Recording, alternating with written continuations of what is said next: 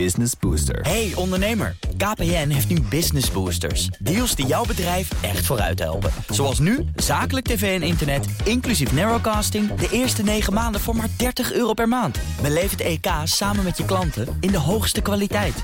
Kijk op kpn.com slash businessbooster. Business Booster. Auto-update.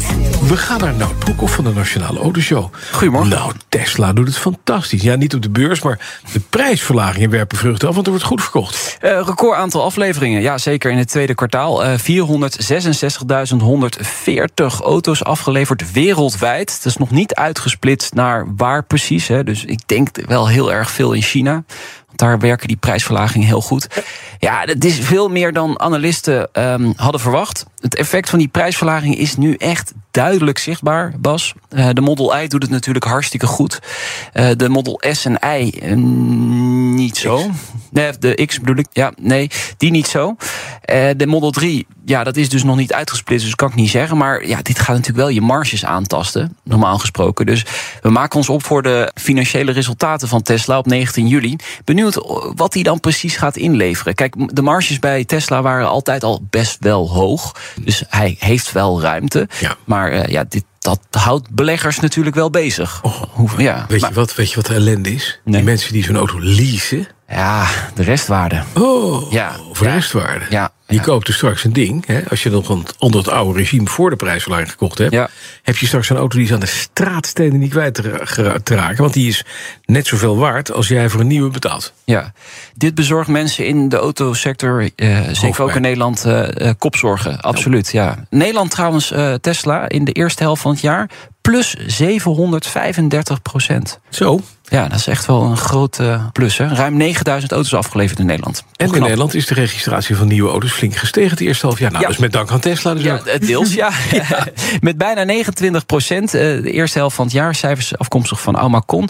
Ja, je zegt het heel goed. Registratie. Hè? Want dit gaat eh, vooral om, om backorders. Bestellingen die al veel eerder geplaatst zijn. Misschien wel in het eh, tweede helft van vorig jaar. Eh, er waren veel leveringsproblemen. Die auto's waren niet beschikbaar. Die moesten nog chips. geproduceerd worden. Dus we moeten hier wel echt spreken van een inhaaleffect. Maar toch, eh, Volkswagen terug op nummer 1 in Nederland in de eerste helft van het jaar. Met 18.500 auto's. Een ruim 9% marktaandeel. De orde is weer hersteld, zullen we maar Maar, zeggen. maar even, Ja. even daar, weten we welke modellen daar verkocht worden? Ik zie veel, steeds meer ID3's en ID4's. Hun elektrische auto's rijden. Ja. Niet zo uitgesplitst, dus dat kan ik niet eh 100% zeker zeggen. Nee. Maar eh, ja, er zullen zeker ook eh, Ja. voldoende elektrische auto's tussen Zeker, zitten. Ehm, Kia staat op 2 met ruim 17% in de plus. Ook knap hoor, gewoon nog steeds. En Toyota op, op 3. Mhm. Maar ja, het is nu afwachten. wanneer drogen die backorders op? De productie van autofabrikanten draait weer op, op volle toeren. Dus dat, dat maakt het wel interessant. Hè? Is er bereidheid om te, te kopen dit najaar of niet?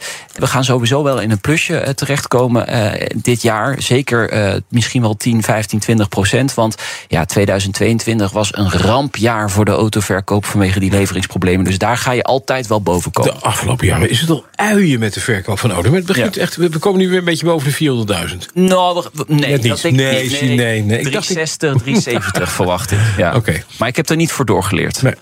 Dan het fileleed. Ja. Ja, we zijn, we zijn, het is nog erger dan voor corona. ja, dat klopt. Maar ja. dat is niet dankzij het nieuwe. We gingen toch allemaal teams vergaan? Ja, waar is het gebleven, hè?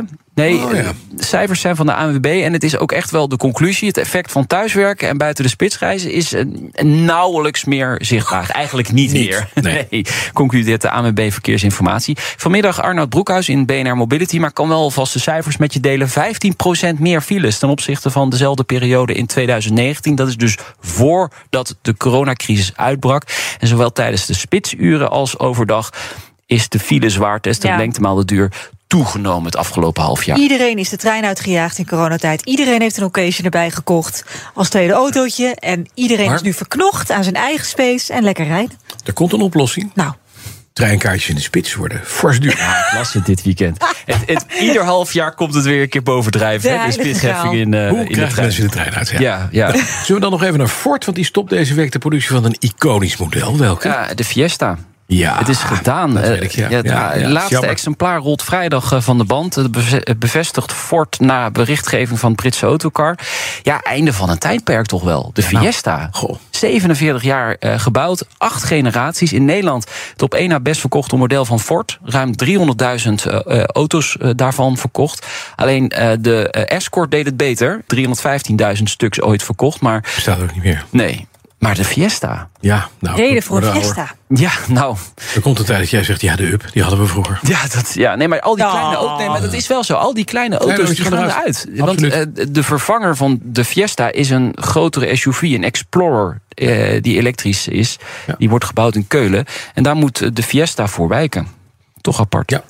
Lekker met de F-150 Lightning uiteindelijk. Dat is een leuke opstap van de Fiesta daar naartoe. Dat is Amerikaans voor trouwens. Dan heel kort nog, occasions zijn een stuk goedkoper geworden. Ja, en die Pender kwam met een bericht op basis van Occasion-platform eh, Gaspedaal, Autotrek en Autowereld. De cijfers daarvan. Gemiddeld is een Occasion de afgelopen maand 832 euro goedkoper geweest. Nou, dan wordt de Ferrari betaalbaar. Ja, nu waren die prijzen wel heel erg hoog ook. Hè. Die waren erg opgelopen.